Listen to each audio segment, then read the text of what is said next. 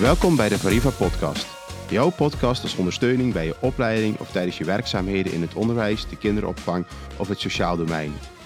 Ons doel is om iedereen die werkt met kinderen, leerlingen en jongeren volop inspiratie te geven om zich te blijven ontwikkelen en te blijven leren. Mijn naam is Remy. Ehm, ik ben een aantal jaar werkzaam eh, bij Veriva als docent, examinator eh, en tegenwoordig ook als coördinator binnen de opleiding. Ehm, daarnaast verzorg ik al een aantal jaar de trainingen van pedagogisch conciërge. Onder andere samen met, uh, met Henk. En Henk zit tegenover mij. Henk, uh, dat is mijn naam. En uh, ik heb een, ook een aantal jaren op verschillende opleidingen van Veriva lesgegeven. Maar tegenwoordig werk ik vooral met conciërges, het ontwikkelen en lesgeven, trainen dus. En dat zijn mijn kwaliteiten onder andere. Nou, je hebt er ongetwijfeld nog meer. Daar komen we dadelijk nog wel over te spreken, Henk. Maar waar het vandaag eigenlijk vooral over gaat, is, is de pedagogische conciërge. Um, en dat is eigenlijk een beroep, uh, conciërge, wat al heel lang bestaat, maar wat in de afgelopen jaren ook ontzettend is ontwikkeld. Hè. Het kopje pedagogisch is er eigenlijk bijgekomen. En waar andere studenten waar we bij Vrief mee te maken hebben, dus de medewerkers in de kinderopvang, onderwijsassistenten, maar ook andere mensen die binnen een omgeving werken met kinderen, die worden eigenlijk allemaal opgeleid uh, om dat te doen, om die pedagogische kennis uh, tot zich te kunnen nemen. Maar dat geldt voor de conciërge in, in, mindere, in mindere mate. Die moeten toch met name uit de praktijk halen. en dat is ook de reden, niet alleen van deze podcast, maar ook van de trainingen die we aanbieden. En dat doe ik tijdens de trainingen eigenlijk ook altijd. Um, aangeven bij onze deelnemers waar die verandering in rol vandaan komt. Uh, en dan grijp ik terug naar mijn eigen schooljeugd, waar ik ook te maken had als kleine leerling met een conciërge die nog in een blauwe stoffen werkjas rondliep en die vooral bezig was met het maken van dingen een wc die verstopt zat, of het schoolplein was schoon, schoongemaakt moest worden, een deur die piept, een lamp die vervangen moest worden. Uh, eigenlijk met name de facilitaire bezigheden uh, die in de school belangrijk waren. Maar die rol is uh, veranderd, Henk. En dat is ook een pedagogisch aspect bijgekomen. Um, en ik denk dat jij er wel wat meer over kan vertellen pedagogisch aspect. Um, ja, overigens, die kranen en die lampen die moeten uh, goed werken. Maar de populatie, de samenstelling van de leerlingen, die is grondig veranderd. Uh, zeker in een jaar of twintig tijd zijn er veel meer leerlingen gekomen uit andere culturen, met andere normen en waarden. Andere religies, andere opvattingen ook. En uh, er is tegelijkertijd een soort verharding in de maatschappij, ook wel door bijvoorbeeld COVID. Uh, wat voor problemen zorgt. En uh, dan moet je goed kunnen luisteren en goed kunnen kijken, maar ook laten merken dat je kunt handelen in een pedagogische situatie, in een opvoedkundige situatie. Ja? Pedagogiek heeft vooral te maken met opvoedkunde. Dat doe je thuis met je kinderen, dat doe je op een voetbalclub met uh, de pupillen die je hebt, maar dat doe je op een school dus ook. En een uur of acht misschien heel gericht. Ja, dus, dus eigenlijk is die, die taak uh, van de conciërge, die, die vroeger vooral uit, uh, uit facilitair bestond, die is eigenlijk uh, veel breder getrokken naar pedagogisch facilitair. Ja, ja. dus het wil niet zeggen dat de conciërge niks meer met, met zijn handen kan doen en niks meer hoeft, nee, hoeft klaar te zetten.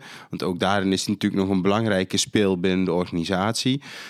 maar de pedagogische tak, die is ook steeds belangrijker geworden. En uh, wij geven al uh, verschillende jaren uh, ook trainingen aan, aan conciërges. En dan beginnen we ook vaak met, met een stukje uitleg over wat, wat, betekent dat nou pedagogisch.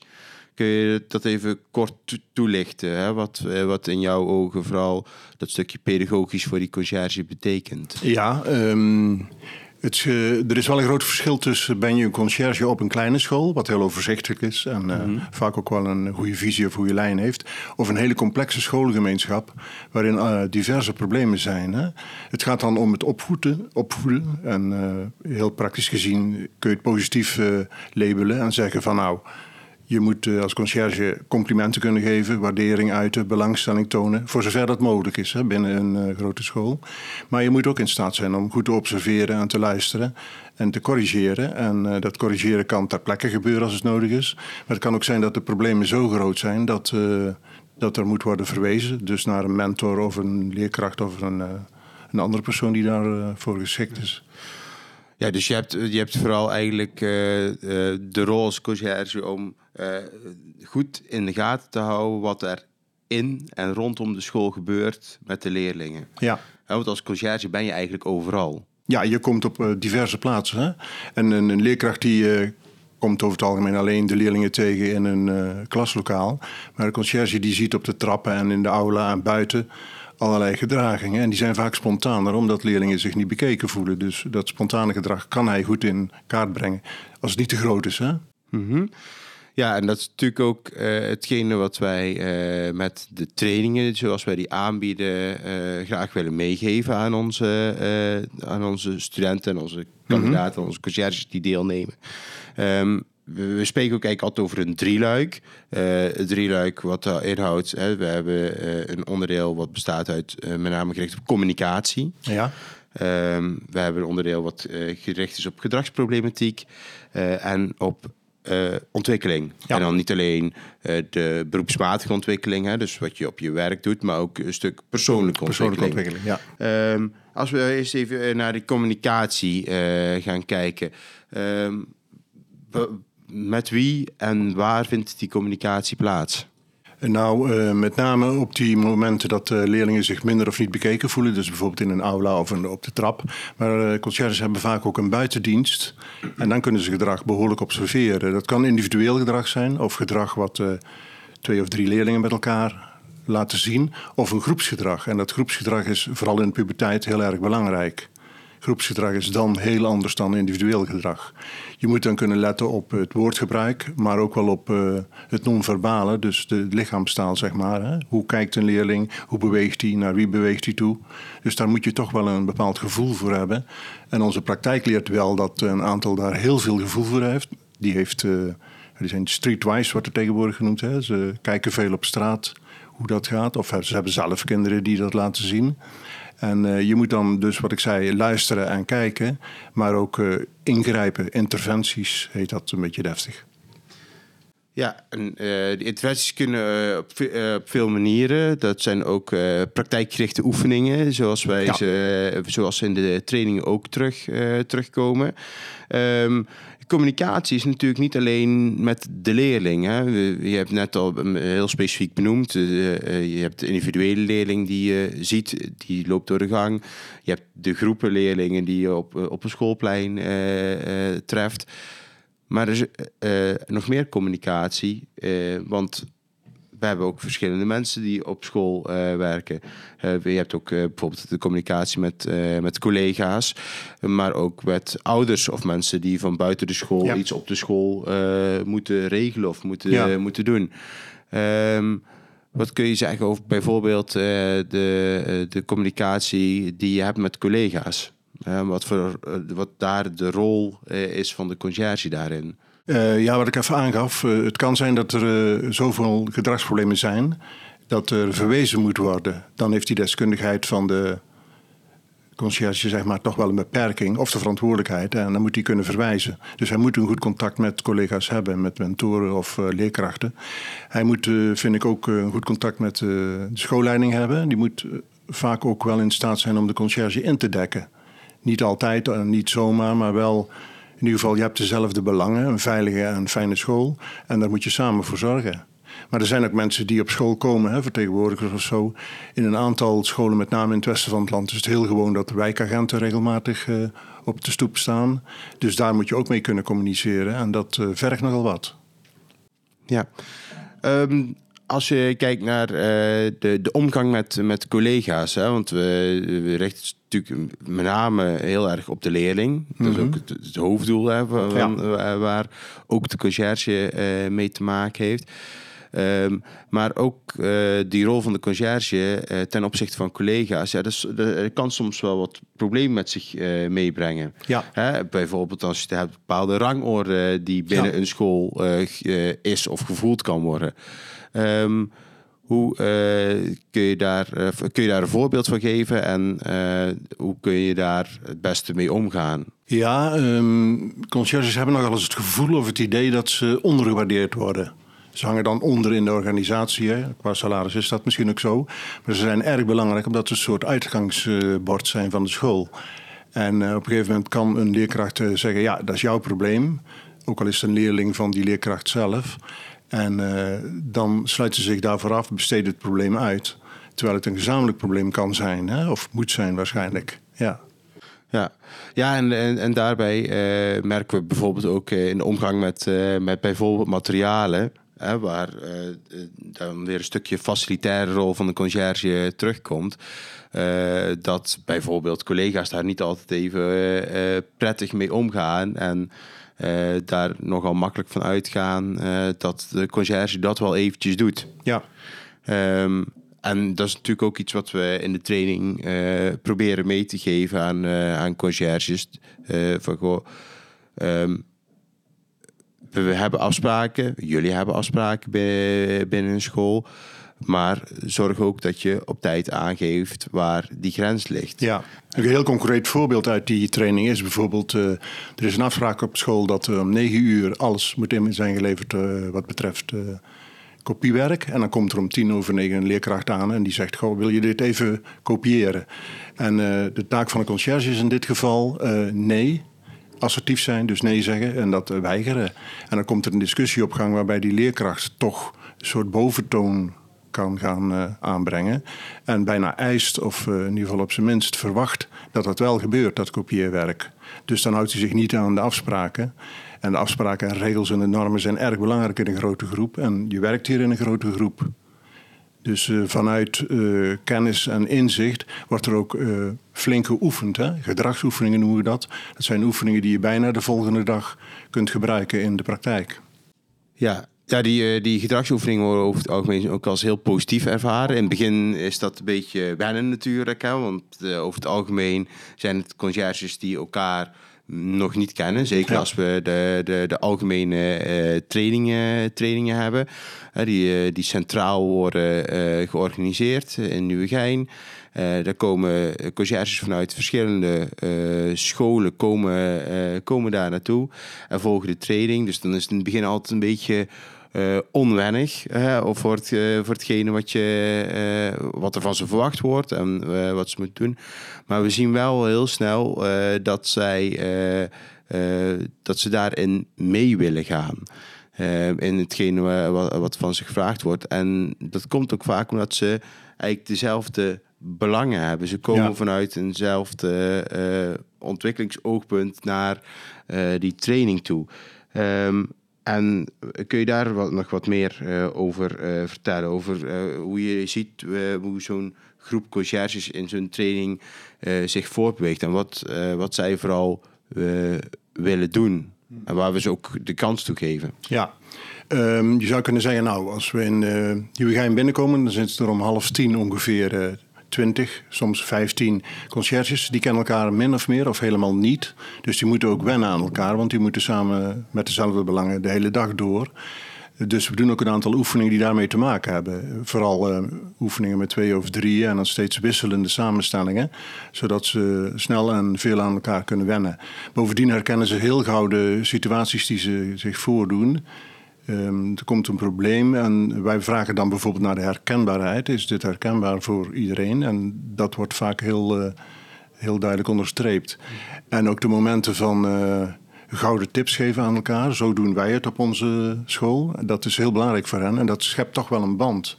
Er zijn een aantal uh, oefeningen en uitgangspunten die een groep binnen een korte tijd naar elkaar toe kan bewegen. Ja. Ja, en die da da daardoor ook een, uh, een goede binding geeft Ja. eh, aan een groep en onderling. Eh wij kunnen heel simpel zeggen, we, we, we nemen altijd een stukje theorie mee eh naar, naar, naar zo'n training. Ehm, maar daarnaast laten we de conciërge ook altijd vrij eh, in het uitwisselen van kennis. Want eh, zij hebben zeker eh, op basis van eigen ervaring soms minimaal net zoveel kennis over bepaalde zaken ehm, uit de praktijk eh, als dat eh, wij die hebben. Eh, daarnaast, hetgeen wat je al aangeeft, een stukje herkennen van problematieken. Ehm, en elkaar de tips geven ehm, die ze bij spreken de dag daarna direct weer kunnen gebruiken. Ehm, dan eventjes de, de, even terugkomend, hè, ook een stukje wat we in de, de training, wat in de training ook naar voren komt. Je hebt het al eh, over eh, de manier van aanspreken gehad. Daar geef je normaal gesproken ook, ook altijd wat voorbeelden bij. Ehm, kun je dat eh, hier ook nog een keertje Herhalen, ja. Ja. Ehm, in feite heb je een zakelijke band met de leerling. Dat klinkt een beetje hard, maar eh, dat is zo. Want op een gegeven moment komt een leerling met 13, eh, 14 jaar leeftijd eh, binnen. En jaar of 4, 5 dan verlaat hij, eh, tenminste op de middelbare school, de school. En in die tijd heb je alleen een zakelijke band. En eh, die kan eh, wel zorgen voor een dubbele functie. Hè? Het kan zijn dat een leerkracht eh, eh, aan het werk is, maar dat eh, het buurmeisje bij hem in de klas zit, of dat zijn eigen zoon of dochter. eh, dus dan heb je een dubbele pet op. Die dubbele pet heb je overigens altijd wel, want je komt eh, een school binnen als eh, beroepsman, functionaris, on, eh, conciërge, maar ook als, als mens gewoon. Dus je neemt ook je eigen menselijke dingen mee. Ik weet niet hoe jij dat ervaart. Ja, dat is, eh, dat is inderdaad soms, eh, soms complex. Ik heb natuurlijk zelf eh, ook op een school gewerkt in het dorp waar ik zelf vandaan kom. En daar had het natuurlijk heel veel te maken met, met leerlingen die ik ook, waar ik ook privé een band mee had of mee kon, kon hebben. Of die ik ook in andere situaties tegenkwam. Bijvoorbeeld op een voetbalclub. Ehm, ja, en dat, eh, ja, dat is dat dan toch een eh, ja, bijzonder als je daar voor de eerste keer mee te maken krijgt. En dus, eh, dat is ook een, ja, iets wat je, wat je van tevoren goed moet nadenken bij jezelf. Van, goh, hoe ga ik daarmee om? Binnen de regels die er op school gelden. maar ook waar je jezelf prettig bij Ja. voelt. Qua houding is het belangrijk dat je betrokkenheid naar een leerling toe laat zien, maar ook aan de andere kant een gezonde afstand. Ja, ja en ik, eh, ik kon dat eh, eh, toen eigenlijk wel redelijk goed, goed plaatsen. En ik merkte eigenlijk dat juist het, gedrag wat binnen de school van leerlingen werd gevraagd, dat ze dat eigenlijk ook buiten school gingen laten zien. Dus de, de, de, de, eh, de stukje, eh, de manier waarop je iemand aanspreekt eh, als docent of als conciërge, dat je dat daarna ook op straat of op de voetbalclub tegenkwam. Dat ze jou op die manier ook gingen benaderen. Ja, oké. Dan is er waarschijnlijk iets veranderd hè? aan de binnenkant, eigen geworden. Ja, Attitude ja, nou goed, en houding. dat ze jou natuurlijk op, eh, op t- twee verschillende manieren eh, hebben leren kennen, eh, krijg je dan ook een eh, veranderende situatie. En dat is natuurlijk iets wat, eh, waar eh, veel eh conciërges mee te maken hebben, want de conciërge eh, is toch vaak iemand die relatief dicht bij de school eh, woont. Ehm, of in ieder geval bekend is met, met, een, met een gedeelte Ja. van, van de leerlingen. Eh, en die dus ook in die hoedanigheid eh, vaker met, met, met leerlingen eh, te, maken, te maken krijgt Ja. op verschillende fronten. Dus dat is wel voor, je- voor die dubbele pet waar je Ja. het net over had. Ja, daar moet je echt mee om kunnen gaan. Ja. ja. Is dat wel iets belangrijks om, om te laten zien. Het, het laatste ehm, eh, onderdeel gaat eigenlijk eh, van in ieder geval van de training gaat is met name gericht op ontwikkeling. Mhm. Kun je daar nog eh, iets over toelichten? Ja, je zou het kunnen laten zien met een soort beeldspraak, metafoor of hoe je het noemen wilt. We tekenen dan een ijsberg op het, op het bord of zo. En de top van de ijsberg is vrij klein. En dat eh, stelt het gedrag voor van de leerlingen. Dus wat een leerlingen laat zien met eh, spraak en met non-verbale reacties. En daaronder eh, zit een hele hoop eis. En dat stelt dan de, de, de motieven voor. Vooral waarom doet een leerling dit? Waarom laat hij dit gedrag zien? En dat is uiterst ingewikkeld, want een aantal deskundigen, therapeuten, psychologen enzovoort, die breken nog steeds hun nek over die dingen. Maar meningen geven, emoties spelen daar een rol. Um, ook de motieven waarom iemand iets doet, het, ge, de, het gevoel van uh, er is groepsdruk, hè, wat bijvoorbeeld zorgt voor pesten wat uh, toeneemt. Sowieso een aantal problemen in de maatschappij nemen toe vanuit uh, verharding in de maatschappij, normbesef wat minder is, maar ook uit problemen zoals COVID, non-COVID en zo. Dus in die zin is dat een heel complex gebeuren. En um, we proberen dan om te zorgen dat een leerling, een uh, conciërge in ieder geval zich bewust is van een aantal niveaus waarop hij werkt. Bijvoorbeeld bij een tienpuntschaal kan hij denken van... nou, ik uh, zit op niveau 6 wat betreft omgaan met leerlingen. Ik ben vrij positief ingesteld. Maar ik wil wel naar 7 komen of naar 8. En dan gaan we kijken hoe dat uh, verbeterd of veranderd kan worden. Dat is de ontwikkeling op het beroepsmatige gebeuren. Maar waarschijnlijk neemt die leerling de, of die uh, conciërge dat ook mee naar uh, zijn persoonlijke situatie thuis. Misschien geeft hij dan zijn kinderen ook wat vaker complimenten of zo. Maar het is wel uh, moeilijk om sowieso bewust te worden van dit is mijn niveau. En op deze en die manier kan ik zorgen voor een verandering, een verbetering in dit geval. Dat hopen we dan. Sommigen die zijn al uh, eh, 60 jaar en die houden binnenkort op. Die zijn niet zo gericht op veranderingen. Anderen zijn juist uh, twee of drie jaar conciërge en die zijn wel uh, heel gretig wat dat betreft. En heel veel oefeningen die worden ook meteen gevolgd door feedback. Je krijgt dan reacties op je gedrag. En het samen delen daarvan, dat geeft een extra verrijking. De, eigenlijk is het heel mooi uh, hoe je het omschrijft en met name een stukje ontwikkeling. Want je begint eigenlijk heel algemeen met de ontwikkeling zoals die in de maatschappij zijn. En ik denk dat het ook heel belangrijk is in de rol van de conciërge. Het is, gaat niet alleen dat, je, dat je gericht bent op een stukje persoonlijke ontwikkeling of mm -hmm. ontwikkeling van, van en op school. Maar dat je ook heel erg bezig bent met gewoon die maatschappij die komt ook de school binnen. Ja. Absoluut. Uh, en daar moet jij uh, je als conciërge gewoon heel erg bewust van zijn. En dat is ook een stukje onderdeel van jouw eigen ontwikkeling. Ja. Dus, en, en dat is wat we bij, bij, bij de training ook mee proberen te geven.